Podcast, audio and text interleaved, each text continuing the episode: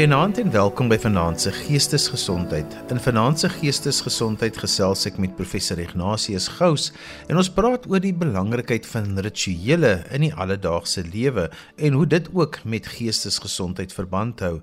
Ignatius, oor na jou.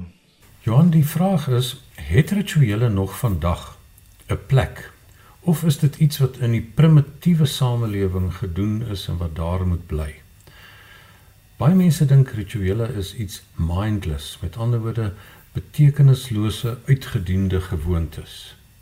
Die interessante is egter, daar is vandag 'n hernuide, selfs 'n ongekende belangstelling in rituele. Veral omdat mense agterkom dat mense wat suksesvol is, baie van rituele in hulle elke dag se lewe gebruik maak en dit doen. Gaan kyk maar gerus na al die publikasies daaroor of soek op sosiale media of YouTube en Google daarna en dan sien jy sien hoeveel beskrywings daaroor is van rituele en hoe mense dit gebruik en wat hulle alles doen. Rituele het eintlik 'n baie belangrike funksie, maar vir baie jare het mense gedink dit is iets ouds en uitgediens en dis hoekom hulle daaroor gepraat het as mindless. Dit is goed wat jy eintlik dus oor afskakel terwyl jy dit doen en nie oor nadink nie. Want dit is alles behalwe waar soos wat ons kan sien hoe mense dit vandag gebruik. Vandag gebruik mense rituele vir belangrike gebeure, soos byvoorbeeld 'n werksonderhoud waar hulle ander allerlei bewegings doen of voor eksamens as hulle gaan sit met asemhaling oefeninge of wanneer hulle in 'n onbekende of selfs 'n gevaarlike situasie ingaan, soos in 'n oorlogssituasie of wanneer hulle uh, deur 'n moeilike tyd moet ry of plekke moet ry. Mense gebruik rituele nadat hulle ervarings beleef het, soos ervarings van eh, van verlies wanneer iemand dood is of wanneer iemand weggegaan het, om dit beter te kan hanteer. Maar sportlui gebruik rituele dikwels tydens die items wanneer hulle meeding in byvoorbeeld hoogspring of in 'n naloop of wanneer hulle 'n belangrike aksie moet uitvoer soos om palle toe te skop in rugby.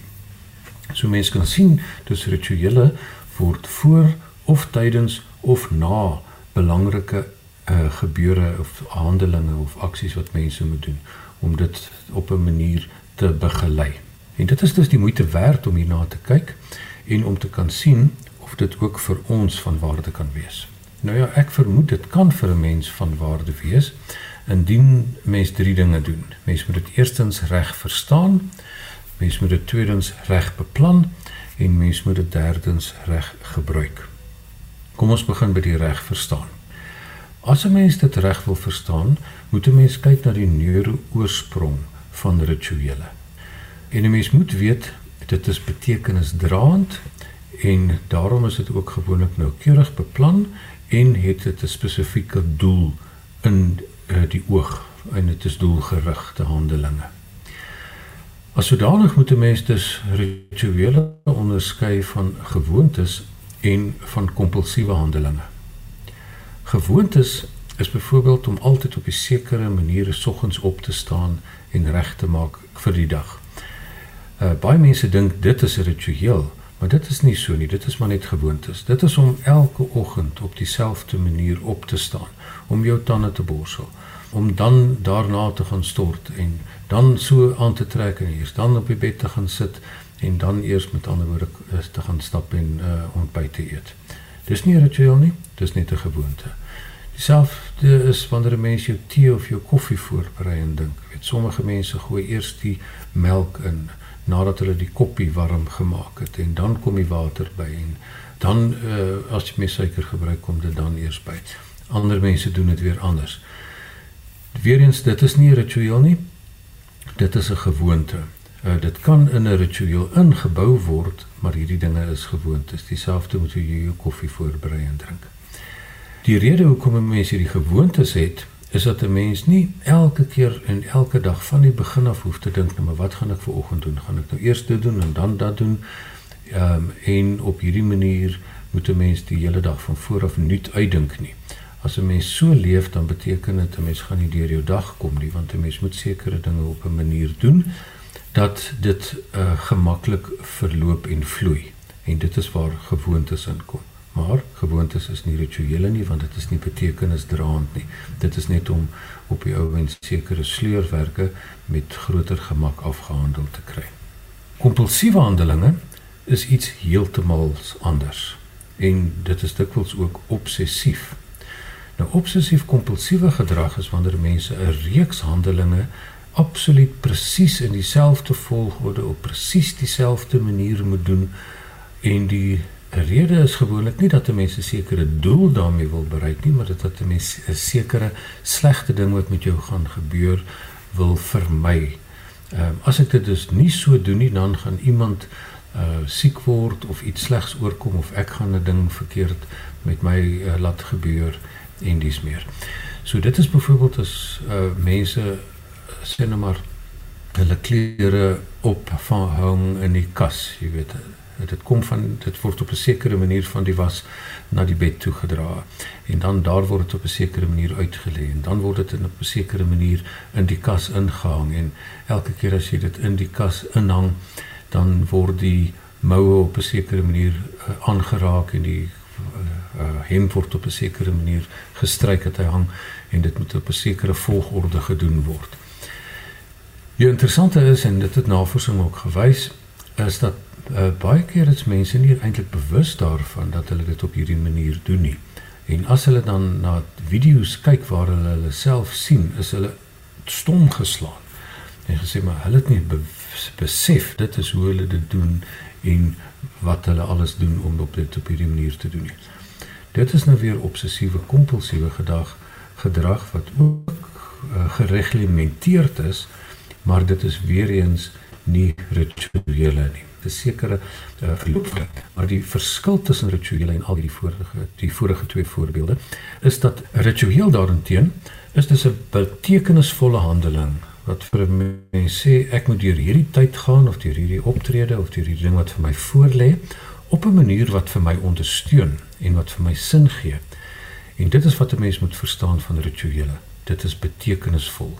Dit is juis nie mindless nie, maar dit is mindful.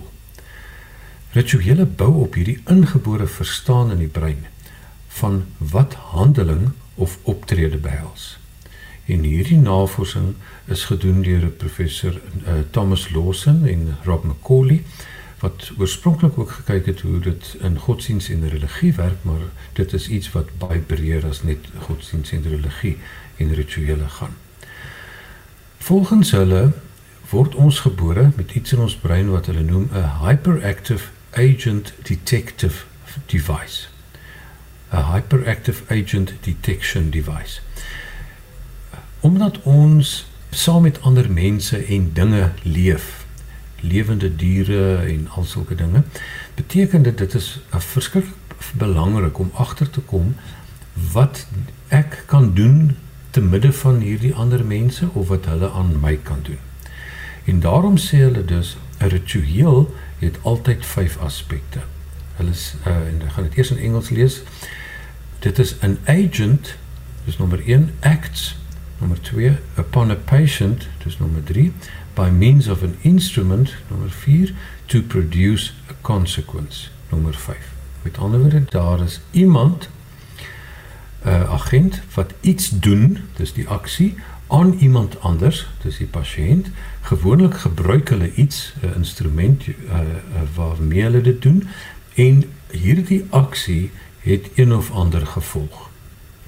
En die eerste ding is dus dat wat Lawson en Macaulay agtergekom het, is dat ritueel dus soos 'n handelingstaal is wat 'n grammatika het En al sien 'n mens dis daar is miljoene rituele in samelewings en ook godsdienste, kan al hierdie rituele na vyf basiese elemente toe afgeskaal word of verstaanbaar gemaak word. En kom ons kyk na elkeen van hierdie vyf aspekte. Die eerste is daar is iemand wat iets doen.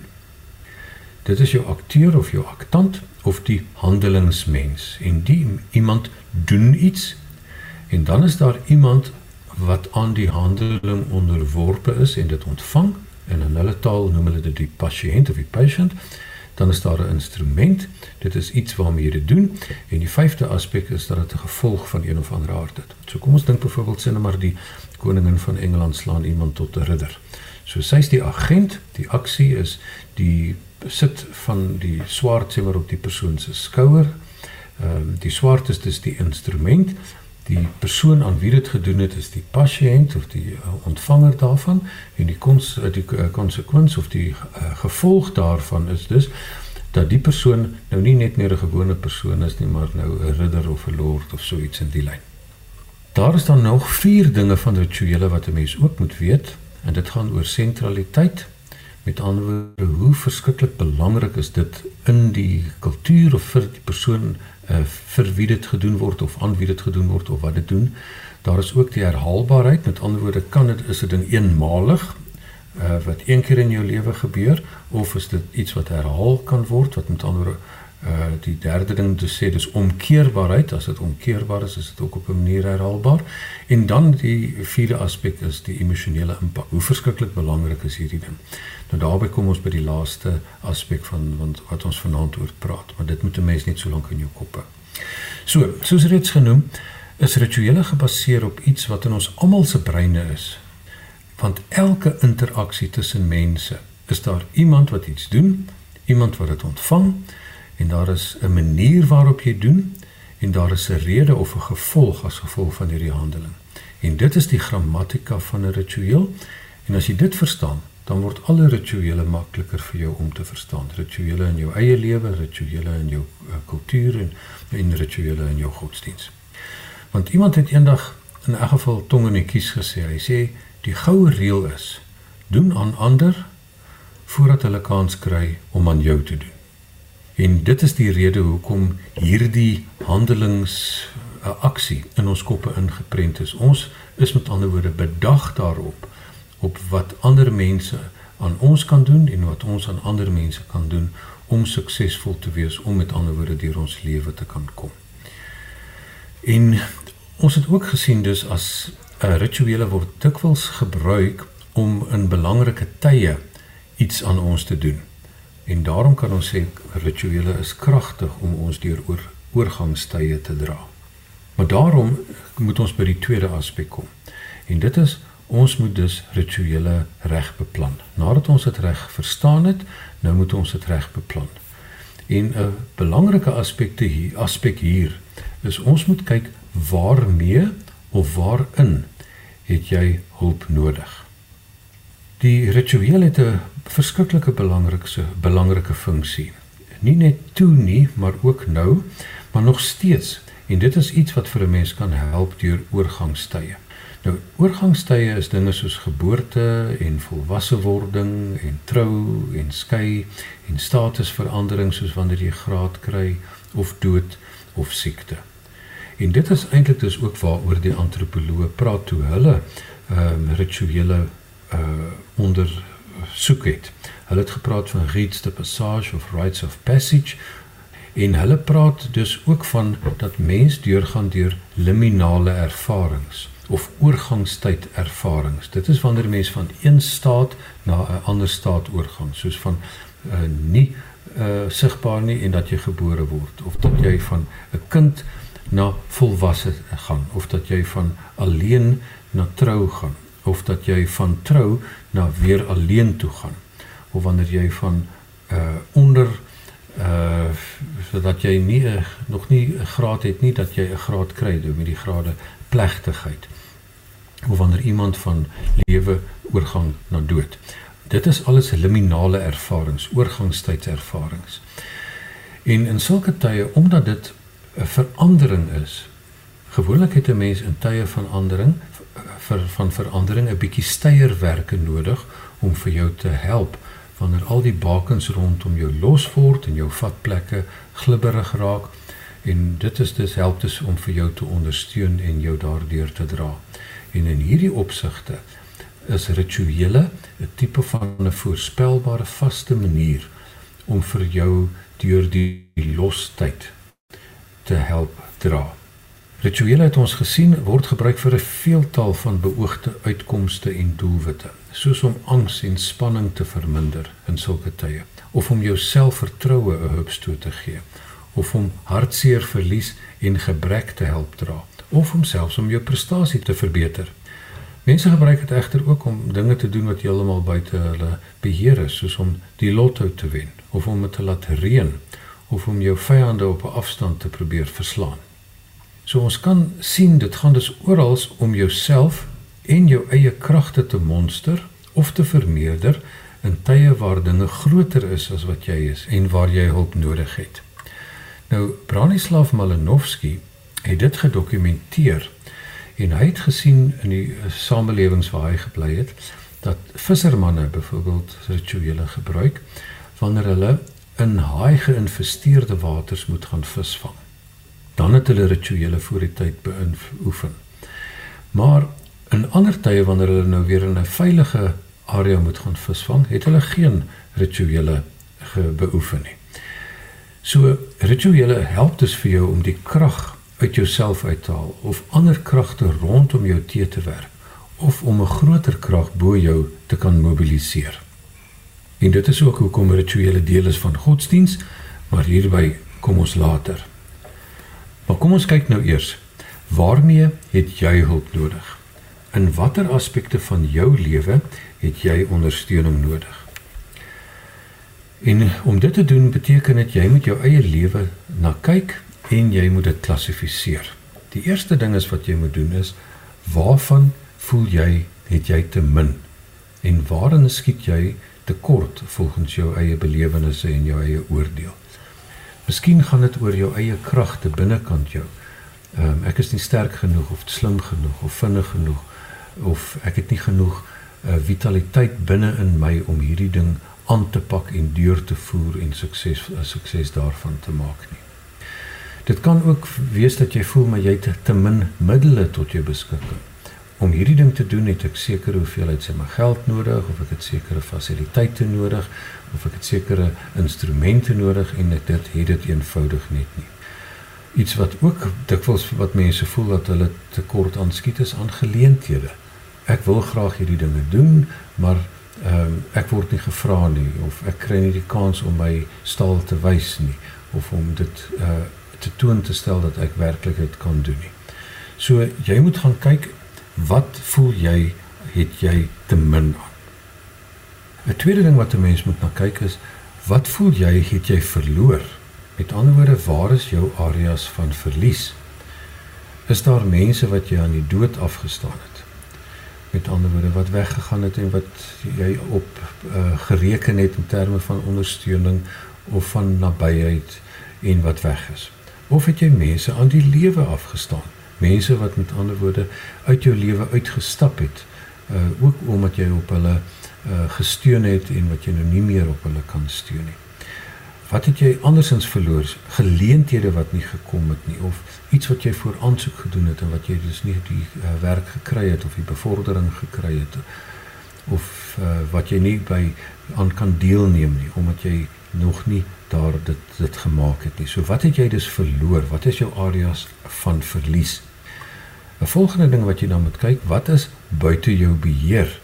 Jy was reg en alles was reg, maar toe kom die pandemie. Of toe kom die oorlog oor see en jy kan nie meer uitvoer nie. Of toe kom die weer en slaan jou oes plat.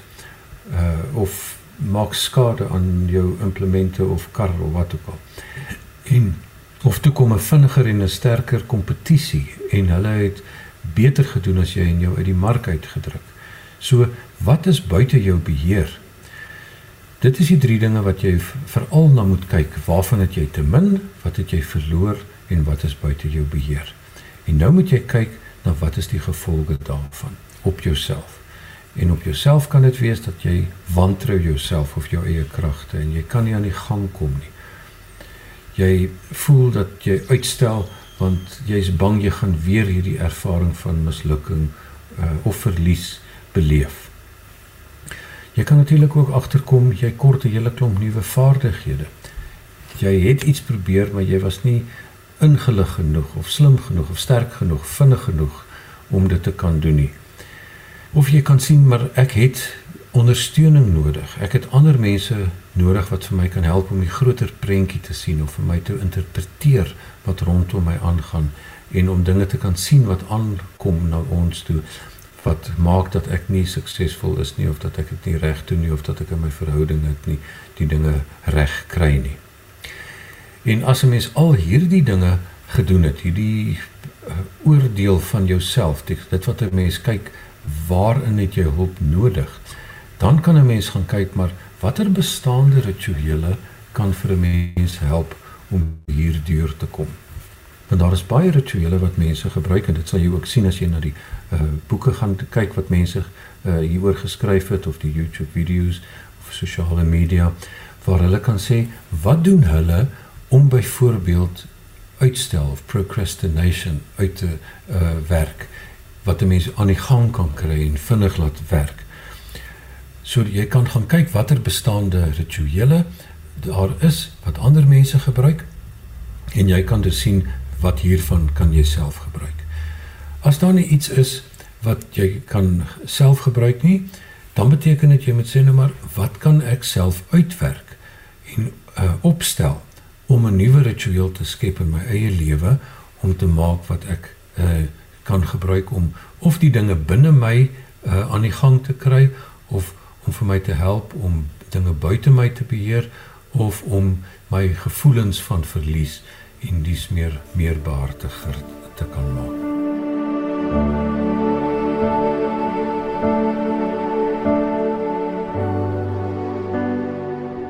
Nou het ons gesien, ek het dit verstaan, ehm uh, wat rituele is. Ek kan rituele beplan, maar nou is die volgende ding wat 'n mens moet gaan kyk, hoe kan 'n mens die rituele reg gebruik? En mens moet dus gaan kyk wat is die daaglikse rituele vir alledaagse eise wat daar is.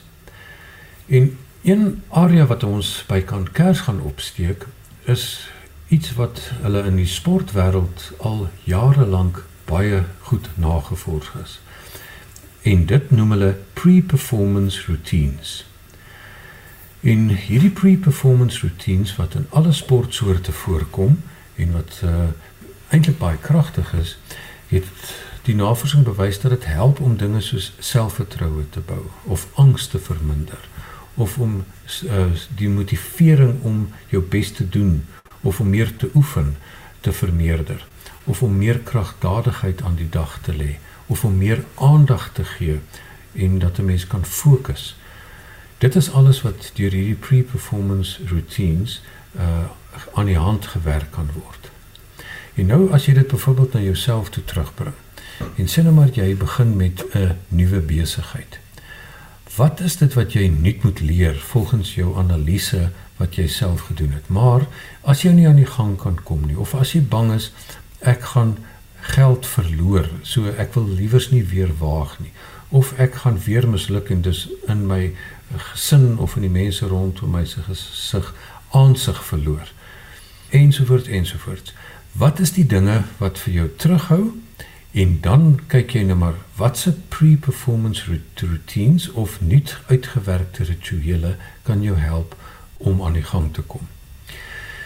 En wat hulle aanbeveel is dat 'n mens iets moet doen soos habit stacking. Dit is ook 'n hele nuwe ehm um, onder uh, weet navorsings uh, gebied wat uh, jy kan na gaan kyk en wat baie kragtig is. En op hierdie manier van die habit stacking en routines kan jy dus dit vat en nuwe rituele maak wat betekenisvol is in jou lewe, wat doelgerig is en wat hierdie dinge binne jou na vore kan bring. Habit stacking beteken jy moet iets kies wat jy reeds met gemak doen. Soos byvoorbeeld, sê nou maar jy kan nie aan die gang kom um, om 'n nuwe veld wat jy nou moet bemeester en nou en wat jy voel maar jou ek het net nie die geestesenergie om te begin nie. Hoe kan ek aan die gang kom om dit wel te doen? Dan gaan kyk jy wat doen jy reeds. Sê nou maar jy gaan sit gewoonlik voor jou rekenaar, maar dan in plaas van om te leer wat jy moet leer, dan begin 'n mens deur die hele uh internet kyk en op jou sosiale media en jy lees elke koerant, maar jy doen net nie wat jy moet doen nie. Maar wanneer jy gaan sit, het jy gewoonlik 'n koppie koffie wat jy gemaak het en wat jy dan neersit. En dan habit stacking beteken jy kies aan die ding wat jy reeds doen wat nie vir jou moeite is om te doen nie om 'n volgende ding aan te hak. Sodat as dit met koffie is, dan beteken dit ek moet uh die leerstof wat ek moet leer, moet ek oopmaak. En dan terwyl ek die eerste sluk neem, dan beteken dit ek moet die eerste paragraaf lees. en ek mag nie my volgende sluk van die koffie neem voor ek nie by die tweede paragraaf en so kan jy aangaan nie. En as jy dan agterkom maar hierdie gemaklike ding wat ek gewoonlik doen, kan ek nou koppel aan iets wat ek moet doen en dan kom 'n mens agter maar dit is dit vloei outomaties van die een na die volgende en dan beteken dit ek is die persoon wat die handeling is die koffie is die instrument die aksie is om te lees. Die pasiënt of dit waarop dit gerig word is die leerstof en die gevolg is dus ek is besig om al meer gereed te word vir die nuwe fase in my lewe of ek word ingelig en dit is die konsekwens of die gevolg daarvan en daar kan 'n mens die hele proses die handelingsproses van die ritueel sien en dit is nie 'n gewoonte nie want hierdie ding is doelgerig en hy's betekenisvol en hy uh, is hy het al sulke gevolge wat 'n mens wil hê. Jy kan selfs 'n instrument kies soos dat as jy by jou tafel gaan sit dan doen jy iets heeltemal buite die gewone wat jy koppel aan hierdie nuwe habit stacking of die nuwe ge, twee gewoontes wat jy nou aan mekaar koppel soos om 'n pet op te sit want onthou die pet opsit is gewoonlik wanneer jy iets gaan doen om buite te stap of om te gaan golf speel of om uh in die tuin te gaan werk. So hierdie tipe van handeling, die instrument wat jy daaraan koppel sê goed, nou is ek 'n ander mens. Ek is nie meer hierdie ou wat voorsit by die uh rekenaar en wat nie kan uitkom by wat ek wil doen nie. Ek is 'n mens wat anders lyk en wat die regte uh toerusting het om hierdie nuwe taak aan te pak met ywer en met uh, passie en ek wil dit graag doen. So kies sulke tipe van dinge wat eie aan jou is en verbeel jou die uitkoms. Ek het nou al begin, maar ek kan al sien hoe ek nou in staat is om die dinge te doen wat ek graag wil doen. Aan die ander kant, kom ons kyk na 'n ander tipe van ritueel. Sê nou maar jy moet deur ervarings van verlies werk. Daar het navorsing ook gewys hoe kragtig dit is om hierdie tipe van dinge te kan hanteer. Uh in een stukkie navorsing het hulle gekyk wat doen mense as hulle byvoorbeeld geld verloor het. So hulle het 'n klomp mense bymekaar gekry en vir hulle gesê, "Goed, ons gaan nou hierso uh die luk raak iemand kies wat sê maar uh R2000 kan wen." En dan het hulle iemand nou die uh eh, R2000 laat wen en die persoon is dan nou uit die groep uit en die groep wat agtergebly het, het hulle in twee gedeel en vir een het hulle gesê, "Joe, julle het nou hierdie geweldige kans gehad. Jy hoef niks te gedoen het, jy hoef net op te gedaag het, dan kon jy R2000 wen, maar jy het dit nou ongelukkig nie gemaak nie." Maar gaan nou en gaan sit op 'n stukkie papier en skryf uh hoe jy gevoel het vir 2 minute lank hoe jy oor hierdie verlies, hierdie ding wat ek het nie gewen het nie, hoe jy daaroor gevoel het. En dan vat jy 'n klompie sout en jy sprinkel dit op die papier, ehm um, en waar jy ook geteken het dit nie net geskryf het nie maar geteken het wat jou ervaring is. So nou sprinkel jy sout oor hierdie skryf en die uh, tekening wat jy gemaak het. Maar daarna vat jy daai papier en jy vrommel dit op en jy as jy kan nog gaan skeur jy dit stukkies op en dan gooi jy dit in 'n asblik en jy maak jou oë toe en jy tel tot 10. En toe het hulle gegaan en gekyk na maar hoe het hierdie mense na die tyd uh, oor die verlieservaring gedink. Die ander groep het net die uh, ervaring wat hulle gehad het, hulle belewennisse, hulle emosies en hulle gevoelens oor die emosie het hulle gaan neerskryf en 'n prentjie daarvan geteken. Hulle het glad nie hierdie ding van die sout en die skeur en die tel, tel tot 10 gedoen nie. En die interessante was is dat die eerste groep het na die tyd baie makliker deur hierdie proses van verlies gekom as die eerste ag die as die tweede groep wat uh, op die oomblik net daaroor geskryf of gepraat het en geteken het. So met ander woorde, die ritueel het gemaak dat 'n mens 'n verlieservaring baie makliker hanteer het. En nou dink 'n bietjie aan die dinge wat jy verloor het in die verlede, mislukkings wat jy beleef het of iets wat deur 'n ongeluk weggevat is of deur 'n uh mens kan amper sê act of God ehm um, uit jou lewe uitgeneem is. En as dit iets is wat nog onafgehandel is, gaan dan deur 'n tipe van 'n ritueel wat of bestaan of wat jy self eh, doen. Ehm um, wat jy kan gebruik om dit daarmee vrede te maak of om makliker daardeur te kom. En jy kan sien in die uh, kulture is daar baie sulke tipe van rituele. Sien nou maar by dood waar sommige mense hulle hare afskeer of ander mense laat hulle hare groei.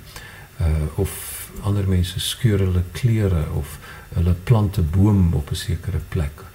Ehm um, en hulle gaan deur sulke tipe van rituele.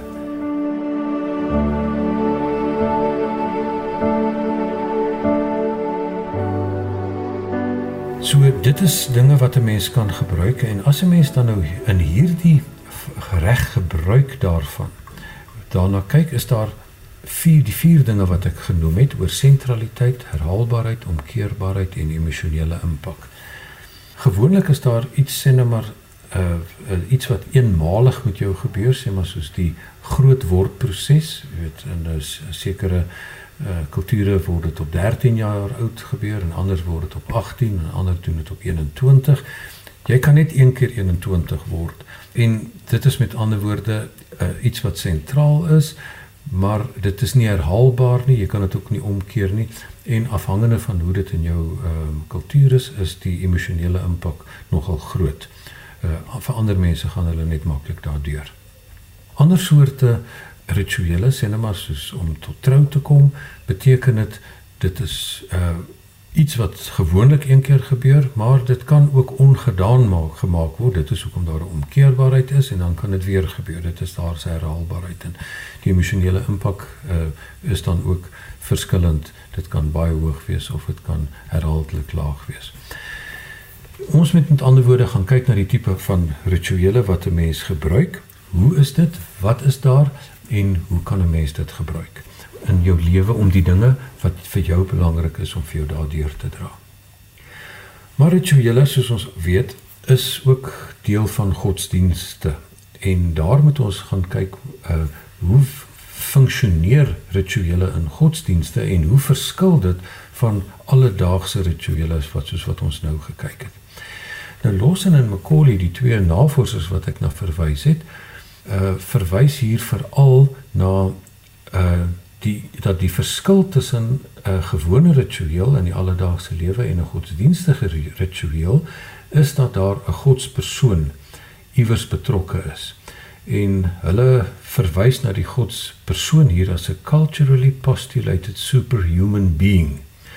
Met ander woorde, dit is iets wat in die kultuur, want dit daar's baie godsdienste en baie verskillende soorte kulture, so in die kultuur het hulle gepostuleer of dat daar 'n uh, superhuman being uh, betrokke is en uh, dat hy 'n rol of sy of dit 'n rol speel in die uh, ritueel.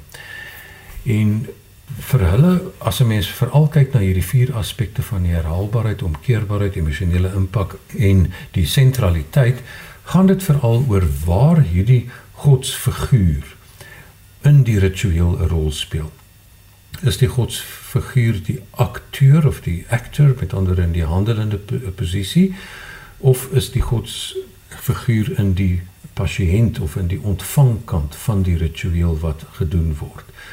En gewoonlik as die uh, godsfiguur aan die handelende kant was uh, is is die sentraliteit uh, nogal hoog die herhaalbaarheid is nie daar nie want hy doen of sy die godsfiguur doen gewoonlik iets een keer en dis klaar en daarom is dit baie moeilik om keerbaar en die emosionele impak is nogal hoog.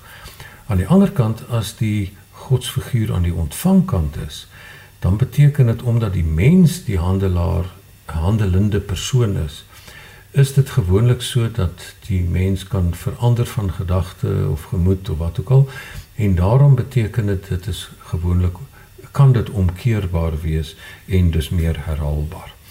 As 'n voorbeeld hiervan wil ek uh sê net maar kom ons kies die uh ritueel van die doop in die Christelike godsdiens. Nou in die Christelike godsdiens is daar verskillende weergawe van die doop. Mens kry klein doop en 'n mens kry 'n groot doop. Die klein doop waar babatjies gebore word en 'n groot doop waar mense uh, as hulle hier gewoonlik tot volwassenheid kom waar hulle daar gedoop word.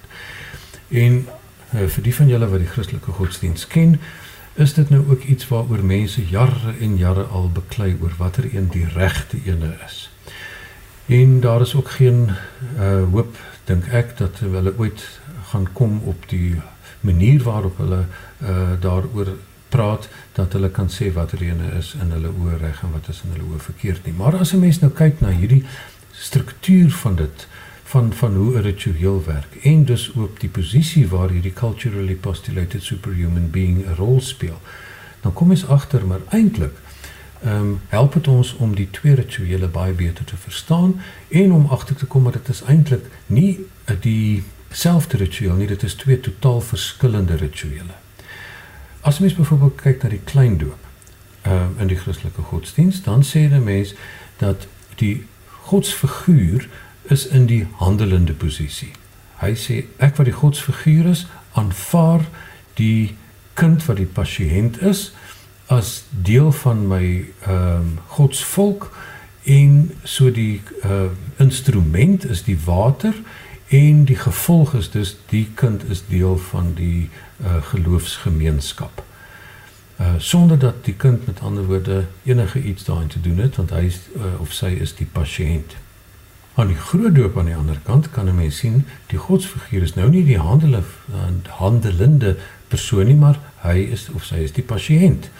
Met ander woorde die uh, mens, die seun of die dogter of die uh, persoon wat tot volwassenheid kom, sê ek kies uh, God as my saligmaker en dis die gevolg is dat as ek is dis deel van ehm um, sy uh, uh, gemeensgeloofsgemeenskap en weer eens die instrument is die water.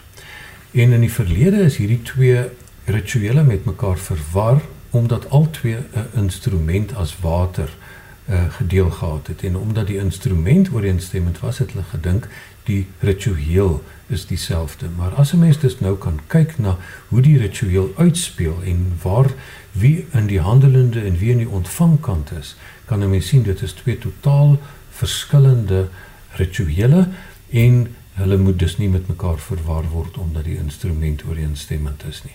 En in hierdie opsig kan 'n mens dus nou ook sien die eerste ene is nie herhaalbaar nie, maar die tweede ene is herhaalbaar omdat die mens kan gesê ek kies om deel te wees van die uh, geloofsgemeenskap beteken dit later kan die persoon besluit maar ek gaan nou nie meer daarvan deel wees nie.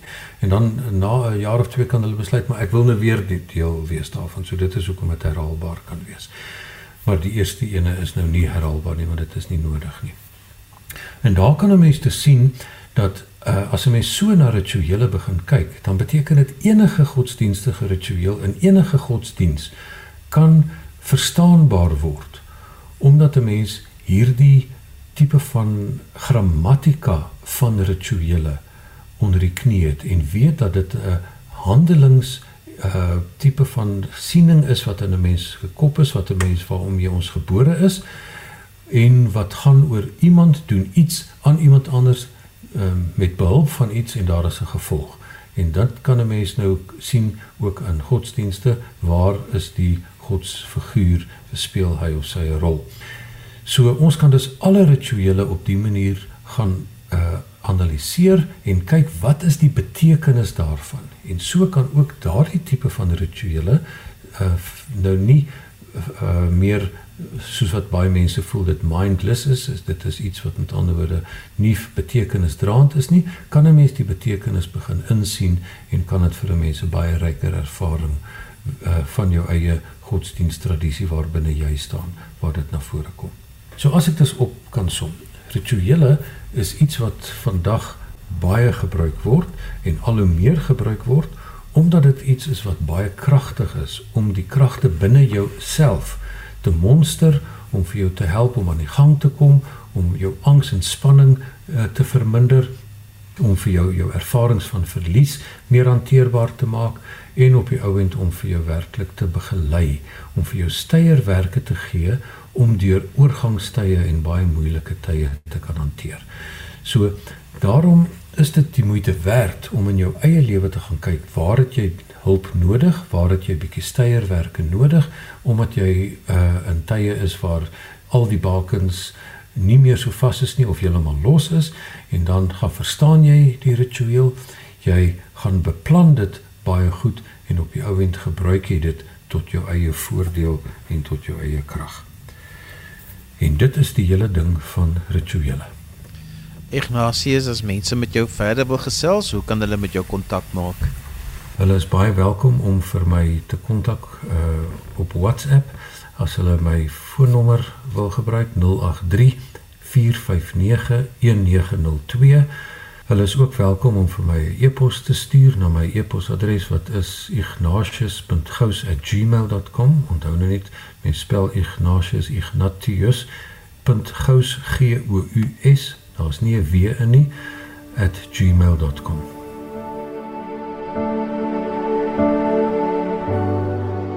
En daarmee is gekom aan die einde van vanaand se geestesgesondheid. Onthou jy kan weer na vanaand se program luister as 'n potgooi en laai dit af by resgep.co.za. Skryf gerus vir my 'n e e-pos by Johanvanlull@gmail.com en onthou daai Johan het net een N. En daarmee groet ek dan vir vanaand. Kyk mooi na jouself. Tot volgende keer van my Johan van Lill. Totsiens. thank you